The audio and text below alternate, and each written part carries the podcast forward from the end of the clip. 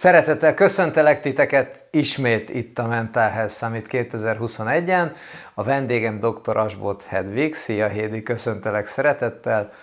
Life és Business Coach, párkapcsolati tanácsadó, mediátor, aki úgy gondolja, hogy sosem öregszünk meg.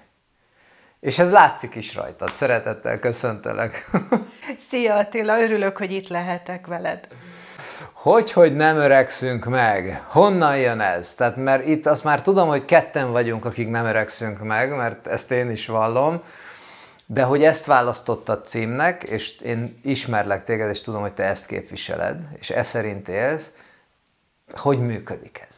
Mennyi ennek a realitása? Hol van ez, hogy nem öregszünk meg? Hát hiszen az évek telnek, és, és telik az idő, de mégsem. Igen, az évek telnek, de én azt gondolom, hogy az évek száma csak egy statisztikai adat. Az, hogy valójában hogy érzem magam, az pedig belőlem fakad. Én azt mondom, ha nem nézek tükörbe, akkor 30 éves vagyok, és egy biztos, a baráti köröm is ilyen, hogy 30-40 évesekkel vagyunk tele. Úgy látszik, hogy mi tényleg nem öregszünk meg. Azért beszélek többes számba, mert a férjemmel együtt, akivel már több mint 30 éve élünk boldog házasságban, és még mindig érzelmek vannak, és nagyon imádjuk egymást. Wow, ezt jó hallgatni, ez folytasd, folytasd innen. Egy, egy, egy mentális egészséget, mentális egészségre való figyelem, felhívást, reklámozó rendezvényen vagyunk, és körbejárunk rengeteg dolgot, a pszichológiától, a mentális egészségen keresztül, a coachingig, a Covid-tól, a pénzügyekig, a sportig, hogyan tehetünk magunkért, és az jár az eszemben, hogy, hogy ez a sosem öregszünk meg, ez tulajdonképpen mindenre igaz, ez igaz a fizikai testünkre, igaz az érzelmeinkre, igaz a teherbírásunkra, igaz a, a, a jókedvünkre, igaz a pénzügyeinkre, a lehetőségeinkre, igaz a mindennapi ünneplésünkre. Hogy lehet ezt képviselni az élet összes területén? Akkor elmondok neked egy rövid történetet. Oké? Okay? Én 40 éves koromban szembesültem elős, először azzal, hogy nem kerek az életem. Vagy már annyi? Kicsivel több. Egy kicsivel. E, és pedig úgy, hogy akkor 39 évesen szültem a harmadik gyerekemet. Volt egy 12, egy 9, egy 1 éves gyerekem. Abban az évben költöztünk be az álomházunkba, ahol még mindig élünk, és még mindig nagyon szeretjük azt a lakást és azt a házat. És én, mikor a kicsi aludt, én a földszinten mászkáltam le föl, és azon gondolkoztam, hogy mit tehetnék azért, hogy boldogabb lehessek miközben egy vállalkozásom volt, 250 boltba szállítottam ki a saját termékünket, de nem szerettem ezt a vállalkozást. Nem szerettem megalázkodni a kereskedők előtt, tisztelet a kivételnek, sokan ezt várták el. És én azt gondoltam, hogy valami nekem kell, valami más, mert nem kerek az életem.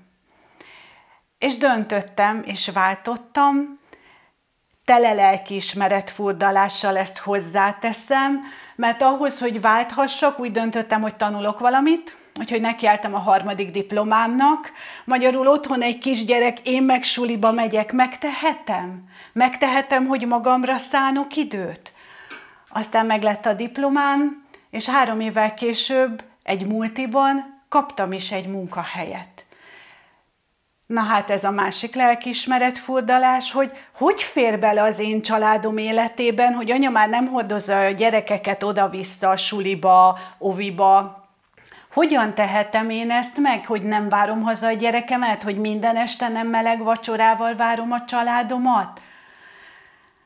De nekem ez kellett. Mm.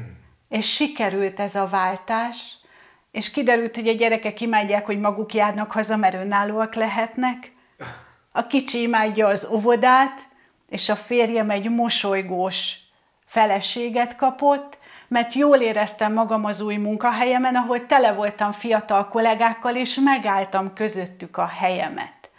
És ott voltam 11 évig. Tehát akkor 39 évesen a harmadik gyerkőccel, akkor még nem érezted azt, hogy sosem öregszünk meg, hanem akkor kezdted érezni azt, hogy na most elkezdtem öregedni, és akkor onnan jött ez az építkezés? Vagy már ott is érezted? Ott evelé még nem foglalkoztam, hanem most, amikor kerek az életem, mert aztán lett még egy váltásom, de most már tudom, mikor kerek az életem, hogy mit tehetek azért, hogy sose öregedjek meg. Akár hihe, eh, lehet, hogy ez hihetetlen, de úgy, mint eh, család, mi már csak hármasban vagyunk, mert a két nagy gyerekem felnőtt és külön költözött, egy hónap múlva születik a kisunokám, sőt, mikor eh, már ez lemegy, akkor már valószínű megszületett a kisunokám, és gyakorlatilag mi minden áldott nap úgy nevetünk, hogy potyog a könnyünk. A 18 éves lányunkkal és a férjemmel nincs olyan alkalom, nincs olyan nap, hogy valami miatt ne nevessünk ekkorát. És én azt gondolom, hogy, hogy ez mindent jelent. Ez jelenti azt, hogy jól érzem magam, és adott esetben lehet, hogy a férjem feszülten jön haza a munkahelyéről, hagyom kicsit, hogy leülepedjen benne minden, majd elkezdünk beszélgetni, és ő is mosolyog, és ő is jól érzi magát. És én azt gondolom, hogy ez, ez mindent jelent. Úgyhogy igen, én azt gondolom, hogy belőlünk fakad az, hogy mikor öregszünk meg, és mikor nem. Hmm olyan téged hallgatni, hogy, hogy úgy felmerül a kérdés, amit így gúnyból szoktak feltenni, hogy te mit szedsz, hogy, hogy, hogy ebből adjál, hogy kérek kettőt. És, és közben, hogy, hogy komolyra fordítsam a szót, eszembe jut Ray Kurzweil, aki a, a Google-nek, ha jól tudom, humán kutatásokért felelős igazgatója, és neki van egy, egy, egy olyan könyve, amit én angol nyelven rendeltem meg, és azon kevés könyvek egyike, amit én így nem bírtam végigolvasni. Azzal együtt, hogy hatalmas tudás van benne, ilyen, ilyen vastag, az a magyar címe, hogy a szingularitás küszöbén.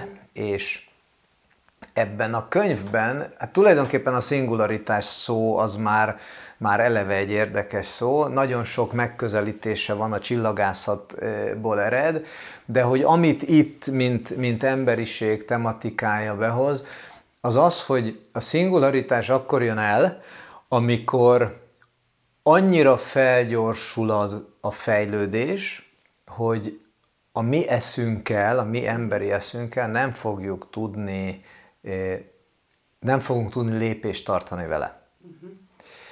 Tehát magyarul máról hol, holnapra egyszer csak megváltozik a világ, majd holnap megint megváltozik, és ugye ez a könyv ez jócskán a, a Covid előtt íródott, ugyanakkor a Covid is érdekes módon így jött be, de talán a másik oldalára asszociált vele Kurzweil, például arra, hogy most akkor mit keresünk a Marson hamarosan, meg, meg űrutazások, meg rák gyógymódok itt vannak a küszöbön, hogy azok tökéletesen működjenek, 3D nyomtatás, szervek, végtagok működőképesen, hamarosan jönnek a, most már, ha jól tudom, szembe ültethető kijelzők, és tehát tényleg terminátorokká tudunk alakulni.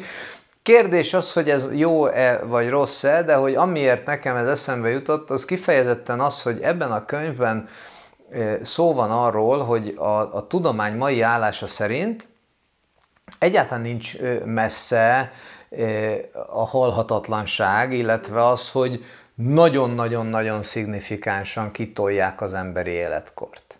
A, a, a legenyhébb e, példa erre egy orvostól hallottam, hogy a mai tudomány szerint egy ilyen nyugat-európai fejlett ország állampolgára simán el tud élni 120 évet egészségesen. Uh-huh. Kurzweil ezt odáig húzza, hogy, hogy olyan 80-90 évre ki lehet tolni az egészséges felnőtt kort. Tehát, hogy azt az aktív kort, és akkor utána elkezdünk majd szépen öregedni, és akkor onnan még, még mondjuk egy 30-40 40 évet lehet. És ez azért izgis, mert mondjuk nálad ez tökéletesen hihető, hogy ez, ez így is lesz, és kívánom, hogy így legyen. Viszont sokan vannak, akik, akik úgy, úgy, úgy elakadtak az életükben, vagy, vagy folyamatosan panaszkodnak, fáradtnak érzik magukat, mókuskerékben érzik, érzik magukat, különféle akár egészségügyi problémákkal, és most nem kifejezetten betegségre, hanem az, hogy most már kicsit itt fáj, ott fáj, jaj a gyomrom, jaj a fejem, tehát, hogy sokaknak nehéz azt elképzelni, hogy, hogy, hogy so, so, sosem halunk meg, vagy sosem öregszünk meg, most koltai bejött. Hogy lehet ide eljutni? Tehát mi kell ahhoz, hogy az ember eljusson egy ilyen tündöklő állapotba, hogy na, most így ide. Ez a történet, amit meséltem a 40 éves korom időszakában, akkor eh, egyik könyvben olvastam, meg nem tudom mondani melyikben, hogy jött ez a kérdés, hogy biztos, hogy így akarsz élni? És én belegondoltam, hogy biztos, hogy még 10-20 évig így akarok élni? Hm. És rájöttem, hogy nem. De ahhoz, hogy ne így éljek, ehhez fel kell vállalni azt a felelősséget, hogy egy életem van. Az az egy élet az enyém. És ezért az egy életért én vagyok a felelős. Senki más. Mondhatom én azt, hogy rossz gyerekkorom volt, ez így igaz. És ki a fenét érdekel? Az volt. Most meg most van. Utána olvastam, és kiderült, hogy a genetika csupán 50%-ban határozza meg azt, hogy milyen személyiség vagy. Hogy pozitív vagy, vagy negatív. Tehát gyakorlatilag ott van 50% a kezemben, hogy azt mondjam, hogy megváltoztatom az életemet. És 40 évesen ugye mondtam, hogy váltottam, és jól éreztem magam. Aztán 50 évesen újra jött egy hasonló periódus, amikor az, más emberek jöttek a céghez, és én velük már nem szerettem volna együtt dolgozni. De mit tehetek 50 évesen? Megcsinálok egy ö, ö, önéletrajzot, és gyakorlatilag a kukába landol. Hát én már nem kellek a magyar munkaerőpiacra. Mit tegyek? Akkor kezdtem ezt tanulni ezeket a szakmákat, amiket te felsoroltál, amik azóta a hivatásommá váltak. A coaching tanfolyam első napján pedig azt éreztem, hogy ez az én életem. Nekem ezt kell csinálnom. Én mindig segítettem az embereknek, de mindenkinek. Most már tudom, hogy nem kell. Annak kell, akik szeretné, hogy segítsenek neki. Mm. És amikor azt érzed, hogy ez a te életed, akkor egy felelősséged van, hogy dönts. Dönts, keresd meg azt az utat, ami a tiéd, és indulj el rajta. És így tudsz kerek életet élni. Én is ezt tettem, 54 évesen hagytam ott a multit, és ugortam bele egy kiszámíthatatlan létbe. Persze volt, hogy azt mondtam, hogy Úristen, megtehettem én ezt? Megtehetem azt, hiszen ott van az ismerősöm, a Jújcsi, aki megteheti, igen, de az ő férje vállalkozó is megteheti. Én meg a nyugdíjra félretett pénzünket éltem fel azért, hogy én úgy éljek, ahogy szeretek, hogy olyan munkám legyen, ami feltölt, és hogy tudjak segíteni az embereknek, a 40-50-es hölgyeknek, akik rájönnek arra, hogy valami hiányzik az életükből. És én most ezért vagyok kerek, mert van egy fantasztikus családom, van egy fantasztikus munkám, és még eszközeim is, hogy tudjak segíteni az embereknek abban, hogy hasonlóan élhessék az életüket. Van egy igen tehetős barátom, aki újra és újra hallja az édesanyjától, hogy hát kisfiam, mikor lesz neked végre egy tisztességes állásod. Itt, itt a, a társadalmi, társadalmi elvárások jönnek, és a neveltetés, hogy, hogy, hogy már pedig rendnek kell lennie, hát azt úgy szoktuk, azt hogy csináljuk, és igazából két kérdés eh, van megint csak egyszerre a fejemben. Az egyik az az, hogy, hogy találkozni azért olyanokkal, akik egyszer csak radikálisan változtatnak az életükön, de nagyon sok esetben ez úgy történik, hogy, hogy radikálisan változtat, aztán rájön, hogy nem kellett volna. Tehát, hogy fogja magát, és akkor világgá megy, elválnak, ész nélkül felmond egy, egy munkahelyen, vagy csinál egy ostobaságot, és akkor azért őt elküldik. Tehát egy, egy, egy csomó olyan rizikófaktor van ezekben az éles döntésekben, ami egyrészt valóban kockázatos, másrészt pedig, ami miatt sokszor nem hozzuk meg ezeket a döntéseket, hogy, hogy, hogy óc, óckodunk ettől. És te többet is felsoroltál az életedből, ezek ilyen könnyű döntések? Vagy mi, mi, az, ami, mi az, ami könnyűvé teszi? Mert az, úgy érzem, hogy ezek nem könnyű döntések, de hogy mégis valami, valami vitt előre, segített. Ezek egyáltalán nem könnyű döntések. Nekem szerencsém is van, hiszen van egy férjem aki ott van mögöttem. Általában én hozom mindig az ötleteket, lelkesedek, amikor olyan dologgal találkozom, ő pedig azt mondja, hogy na várjunk, gondoljuk végig. Én hozom az ötleteket, hozok száz ötletet, abból egyet valósítok meg, de ő nagyon jó ellentétem nekem, aki eh, segít ebben, de úgy, hogy én ezt el is fogadom tisztában voltam itt az 50 éves koromban is, hogy egyik pontra másikra nem válthatok, hiszen tényleg az én jövedelmem hiányzik a családi kasszából. Viszont már lebetegedtem, két havonta jött valami betegségem elő. És akkor azt mondta a férjem, hogy nekem te még kell lesz évtizedeken át. Hmm.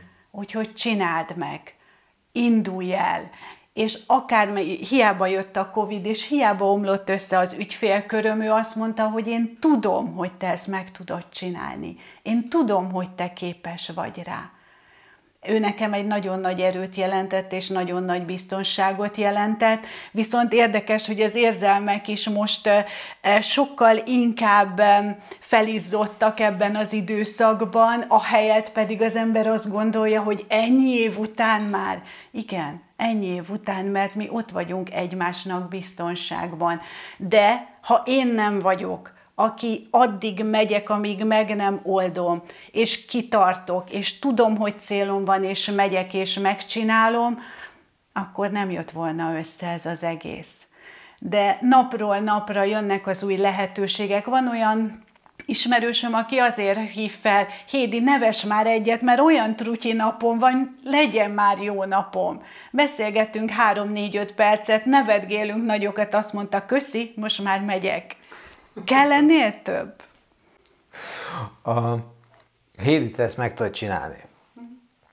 Volt egy beszélgetés Jekkel Eszterrel a kiégésről, és pont ugyanez hangzott el Pont ugyanez hangzott el olyan aspektusban, hogy te ezt meg tudod csinálni, annak ellenére, hogy ő úgy érezte, hogy nem tudja megcsinálni, és megtette, és, és, és, és rossz, rossz irányba sodródott, vagy rossz vége lett. Mi lehet a különbség? Tehát az, hogy, hogy, hogy ki mondja, hogy te ezt meg tudod csinálni, vagy hogy hogy mondja, hogy te ezt meg tudod csinálni, az ezek szerint számít hogyha ilyen és olyan eredménye is lehet annak, hogy Hédi, te ezt meg tudod csinálni. Én megtanultam azt évek során, hogy, hasz, hogy figyelnem kell az érzelmeimre. Tehát amikor én valamire azt érzem, hogy ez nekem való és kell, akkor kell megcsinálni. Ha menet közben feljön bármi olyan, hogy, hogy de ha sikerül, akkor ez biztos, hogy jó nekem biztos, hogy itt eredmény lesz? Kell ez nekem? Hogy tudom elképzelni magam abban a szituációban? Mit adhat az nekem? És azt érzem bármiben, hogy nem, uh-huh. akkor azt nem szabad megcsinálni. De ha minden, azt szoktam mondani, pláne a fiataloknak, mikor párkapcsolati tanácsadóként megkérdeznek, hogy hogyan érdemes párt választani. Én azt mondom, és ez is a saját tapasztalatból jön, hogy ne arra figyelj, hogy a zsánerede, ne arra figyelj, hogy olyan, amit te elképzeltél tizenéves korodban, hogy milyen pasi legyen melletted, hanem ha olyan ember van melletted, aki mellett azt érzed, hogy minden úgy megy, mint kés a vajban, na az a te párod. És én azt gondolom, hogy, és ez szerint is élek, hogyha én azt érzem, hogy nekem ebben foglalkoznom kell, és csinálnom kell, és erő van bennem, és megyek és váltok, akkor nekem azt csinálnom kell. Hiszen én egy vagyok a sok közül, semmi különleges nincsen én bennem, én egy vidéki lány vagyok, nincs olyan különleges tudásom, nincs olyan emberfeletti képességem, ami miatt ezt meg tudom csinálni. Hanem erőm van, akaratom, és felvállalom ennek a felelősségét. Ebből azt hallom ki, hogy az, hogy a férjed azt mondja, hogy Hédi, te ezt meg tudod csinálni, ez, ez csak egy másodlagos dolog azelőtt, hogy te azért te ezt tudod, hogy te ezt meg tudod csinálni. Tehát, hogy te ezt a döntést azért meghozod magadtól, és persze jó, hogyha egyetértenek veled, és, és támogatnak, de voltak épp emellett a döntés mellett, emellett a határozottság mellett az sem számít, ha azt mondják, hogy ez tök lehetetlen, tehát hogy ne, ne akarjál. Pedig, pedig pedig hányan vannak. Tehát, hogy azért ez egy mennyire jellemző, mennyire jellemző példa, már, már eleve a kisgyerekkortól kezdve, hogy kívülről megmondják, hogy ki mire alkalmas, mi lesz belőled, mi nem lesz belőled. Neked, neked, neked mondtak ilyeneket gyerekként? Tehát, hogy hol jött el az a pont, amikor eldöntötted azt, hogy már, már pedig te tudod, hogy, hogy mire vagy képes és mire nem, és hogy köszönöd a támogatást, de nincs a szükséged igazából. Vagy egész gyerekkorodban támogattak, hogy minden sikerülni fog. Nekem egy nagyon kemény anyukám volt, aki csak azt viselt el, ha minden úgy van, ahogy azt ő szeretné. Tehát én már felnőtt voltam, és gyerekeim voltak, mikor még mindig próbálta az én életemet irányítani. Aztán ő már nincs, ő már nagyon régóta nincs, több mint húsz éve nincs. És az, hogy ki mit mond, én úgy szoktam ezek közül szelektálni, hogy aki ezt szeretetből mondja, és azért, hogy nekem jó legyen, azt elfogadom. Amikor eljöttem a multiból, többen mondták, mint utólag megtudtam, hogy ez nem normális. Hmm. Miért hagyja ott? Mi, hogy fog ez pénzt keresni? Na, majd visszajön ide biztos. Hát és nem. És most, amikor néha bemegyek, két-három óra hosszánál rövidebb időt nem tudok ott tölteni, mert tele vagyok pozitív energiával, és mindenki jön és velem beszélget. Tehát visszamész a multiba? De Igen. Visszamegyek a multiba beszélgetni egyet. De oda-vissza nem. Hmm. Igen. És én azt gondolom, hogy fontos, hogy ki tudjuk választani azokat az embereket, akinek fontos a véleménye, és rájönni arra, hogy azt ő szeretetből teszi, vagy csak irítségből mondja. Mert ő nem mer váltani, ő nem meri a felelősséget felvállalni, és ő nem mer boldog lenni. Ezt nagyon sok ügyfelemnél látom, hogy amikor már megcsillan a reménysugár, hogy hogyan lehetne, hogy ő megváltozzon, hogy boldogabb életet élhessen, és nem tudok vele tovább menni. Nem mer kilépni a komfortzónájából, pedig nem ilyen döntés, hogy hagyd ott a munkahelyedet, csak merj boldog lenni de neki az a komfortzónája, hogy, hogy ő boldogtalan, hogy ő panaszkodhat, hogy ő siránkozhat, neki ez a komfortzónája, és volt olyan, hogy megírta nekem, hogy ne haragudj, nem vagyok felkészülve arra, hogy tovább menjek. Hmm. Amikor te elkezdted a coach iskolát, akkor, akkor te fel voltál készülve, hogy tovább menjél? Még nem. Még nem, azért nem, mert nem véletlen van három diplomám. Nekem mindig bizonyság kellett arra, hogy én ezt tudom. És, és aztán, mikor a business coaching tanfolyamra jártam, akkor kezembe került két könyv. És ennek a könyvnek a hatására azt mondtam, hogy na akkor most leírom, hogy mi lehet az oka annak, hogy nem teljes az életem. Hmm.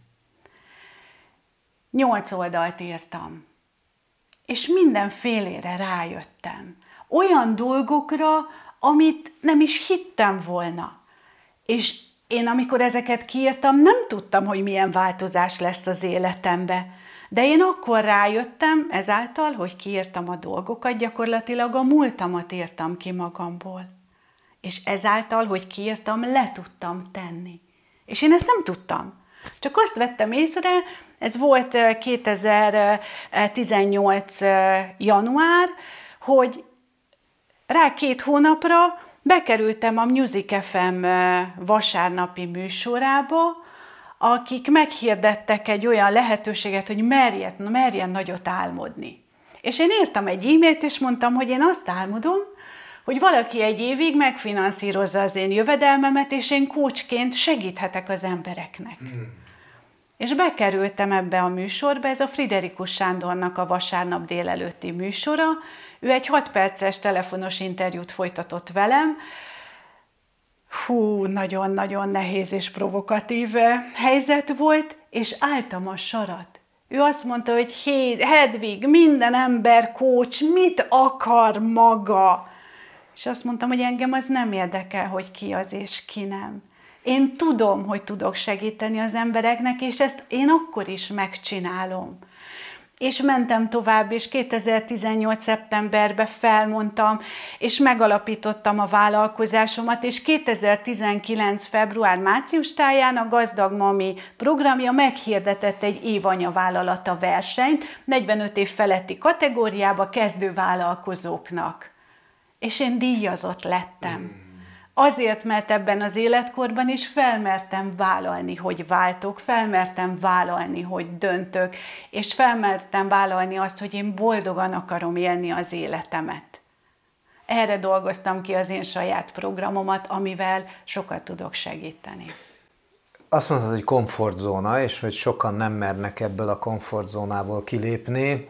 Annak ellenére, hogy ez a komfortzóna egyébként a legkevésbé sem a komfortról szól. Tehát, hogy ja, ezt, ezt érdemes leszögezni, hogy a, attól, attól még, hogy van valami, amit úgy nevez a szaknyelv, hogy komfortzóna, vagy slang nyelv, szinte mind a kettő, attól még nem biztos, hogy ez egy komfortos helyzet. Mégis tudunk hozzá, tudunk hozzá ragaszkodni, hiszen hiszen a változástól, a változtatástól félünk.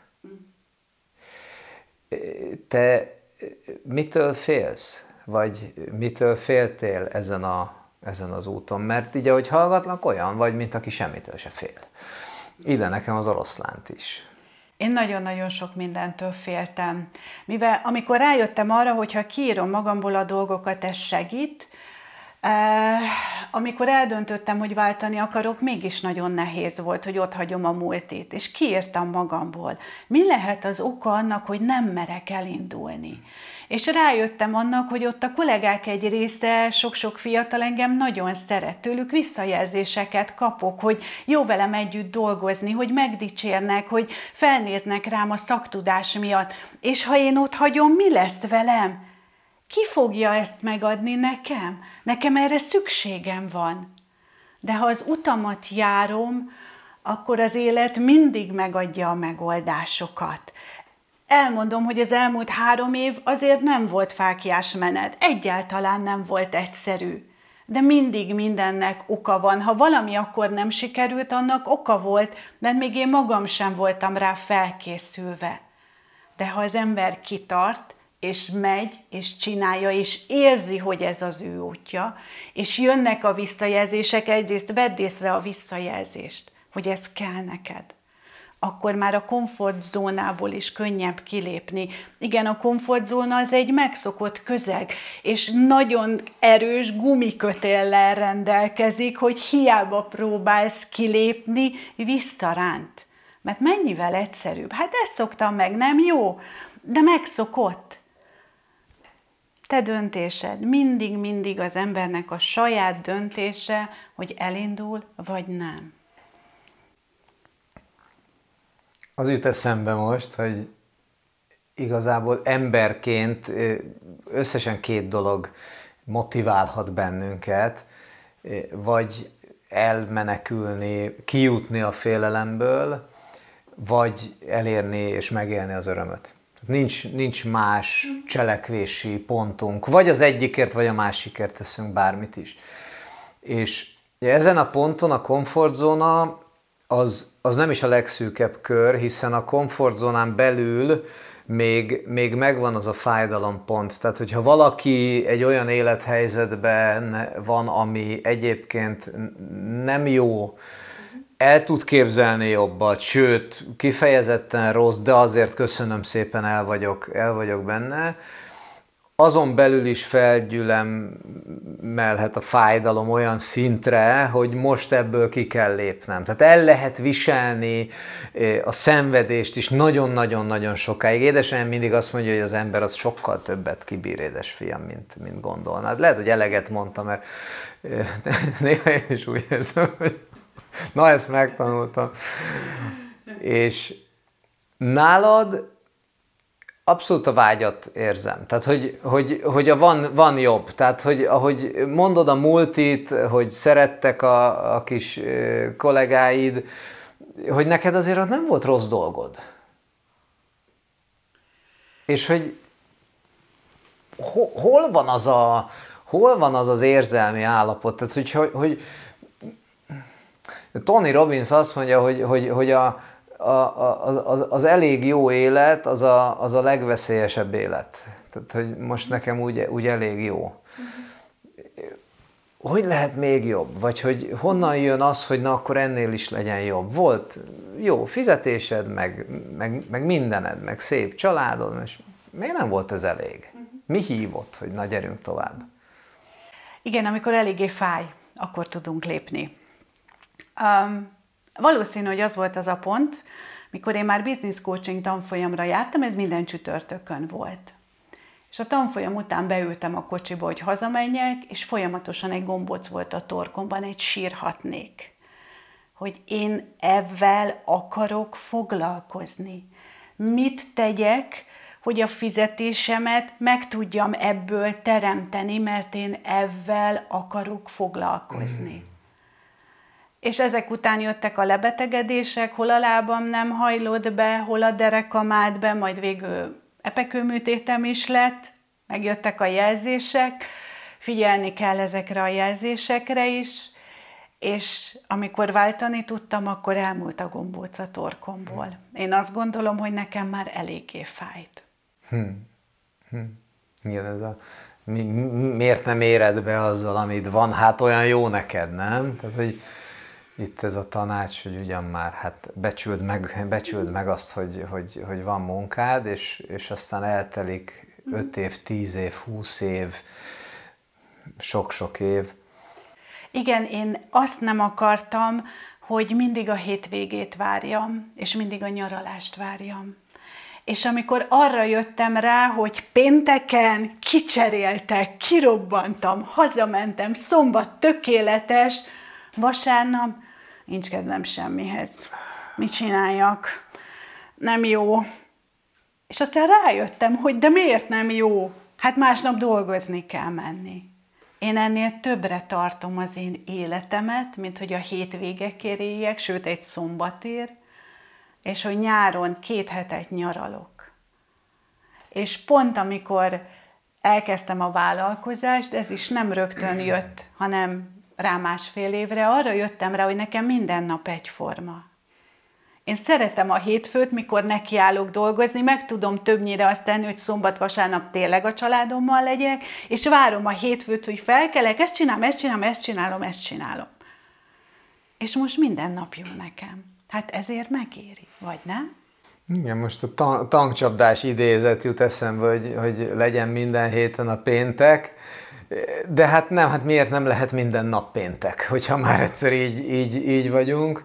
És aztán mindjárt a másik kép, a, azt hiszem a Balatonfüredi kikötőben évekkel ezelőtt, évekkel ezelőtt találkoztam egy fiatal emberrel, aki hát, feketére volt barnulva, és az volt a feladata, tehát ő azt csinálta, hogy ott vigyázott ilyen hajókra, uh-huh. és az is nagyon gyorsan kiderült, hogy hogy télen az Adrián vigyázott hajókra, és nyáron meg följött, följött Balatonra, de hogy véletlenül sem szabad elképzelni egy tehetős valakit. Tehát egy ilyen kikötő az mondjuk az egy men, menő hely, De hát neki ez volt a, ez volt a dolga, és kőkeményen dolgozott. Tehát, hogy ő folyamatosan jött, ment és vitte, vitte a, a hajókat, szállította az utasokat, kijött a partra, szerelte a mindenfélét, és igazából amikor mi ott voltunk, egyébként egy céges, céges rendezvényen, akkor is dolgozott, és akkor egyszer csak úgy, úgy elterül az egyik jaknak a tetején, és azt mondja,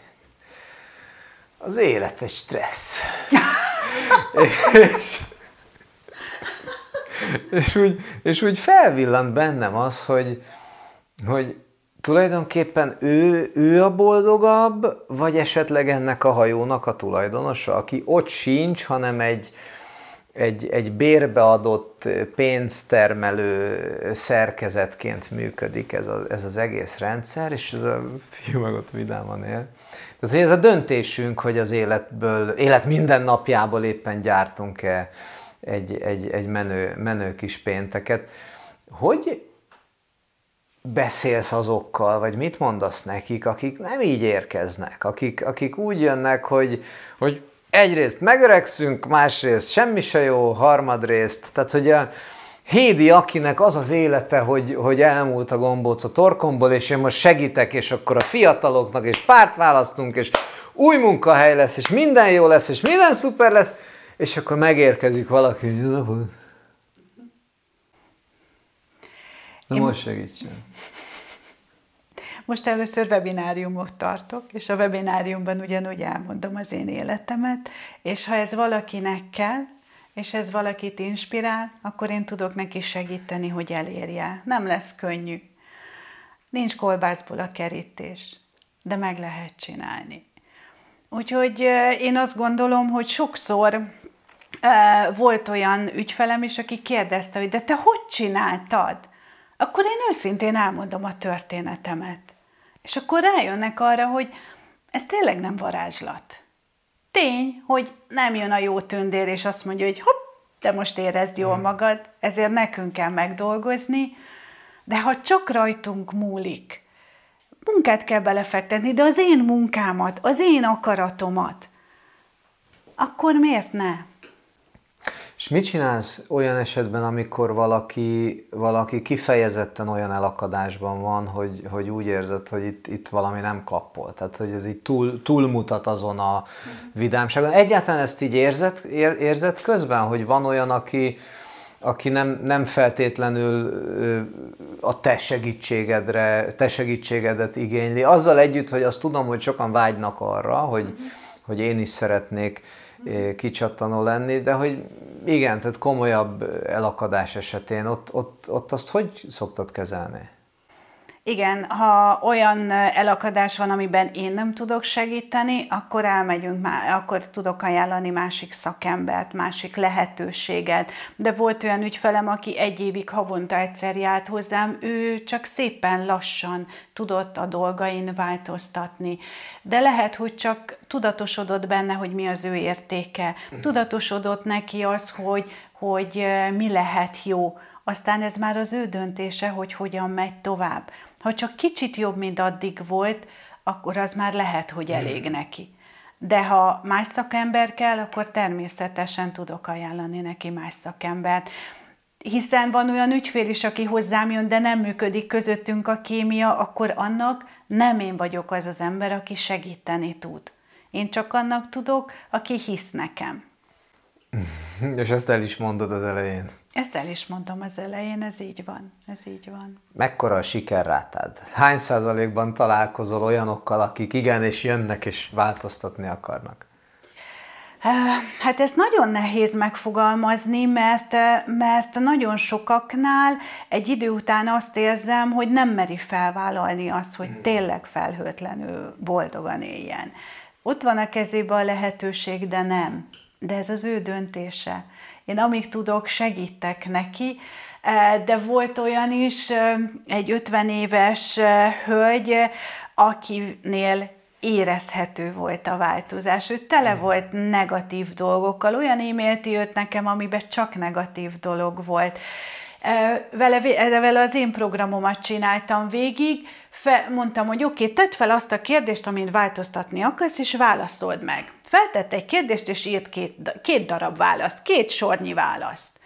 Mondom, ez most mire gondolsz itt? Hát, hogy mit a válasz? Mondom, nem, én nem ilyen választ kérek. Én olyan választ kérek, ami két-három nap alatt érkezik meg, ami öt-hat oldal. És aztán várnom kellett másfél hónapot, de megjött az öt-hat oldal. Aztán lett egy óriási változás az életében, és akkor utána megkértem, hogy oké, okay, akkor írd le, hogy mit adott neked ez a folyamat. Azt mondja, mit írjak le? Hát játszottunk, beszélgettünk egyet-kettőt, mit írjak le? De én ennek örültem, hogy utána egy olyan levelet írt, ami csak pozitív volt. Nem a folyamatról, hanem képzeld, most ez történt velem, az történt velem, az történt velem, és ha kinyomtatom az első levelét, ami csak negatív volt, meg az utolsót, ami csak pozitív, akkor ezzel ő szembesült volna. De ha ő ezt nem érzi, nem baj. De most sokkal boldogabban éli az életét, mint korábban. Hmm. Kívánom neked ezt a sok pozitív levelet ezen az oldalon. Mik a terveid, Hédi? Így a következő száz évre. Most ebben az évben minden hónapban fogok webináriumot tartani, ahol a lélektani kalantúra programomat népszerűsítem. Azt szeretném, ha minél több emberhez eljusson, aztán majd eldöntik, hogy jönnek-e velem vagy sem, és jövőre biztos, hogy szeretnék egy olyan klubot létrehozni, aminél kihasználom, amit most, amit most kellett, hogy használjunk, hogy Zoomon keresztül vagy online, olyan csoportokat létrehozni, ahol 5-6 ember elmondhatja, hogy éppen alkalmanként mi a kihívása, és egy teljesen pártatlan és pozitív körben a többiek elmondják, hogy nekik erről mi a véleményük, vagy milyen ötleteket adnak nekik. Ennek az a lényege, hogy pozitív körben és hogy csak pozitív oldalról megközelítve, mert azt gondolom, hogy az embereknek nagyon hiányzik az, hogy pártatlan körben, őszintén elmondhassák a belső félelmeiket.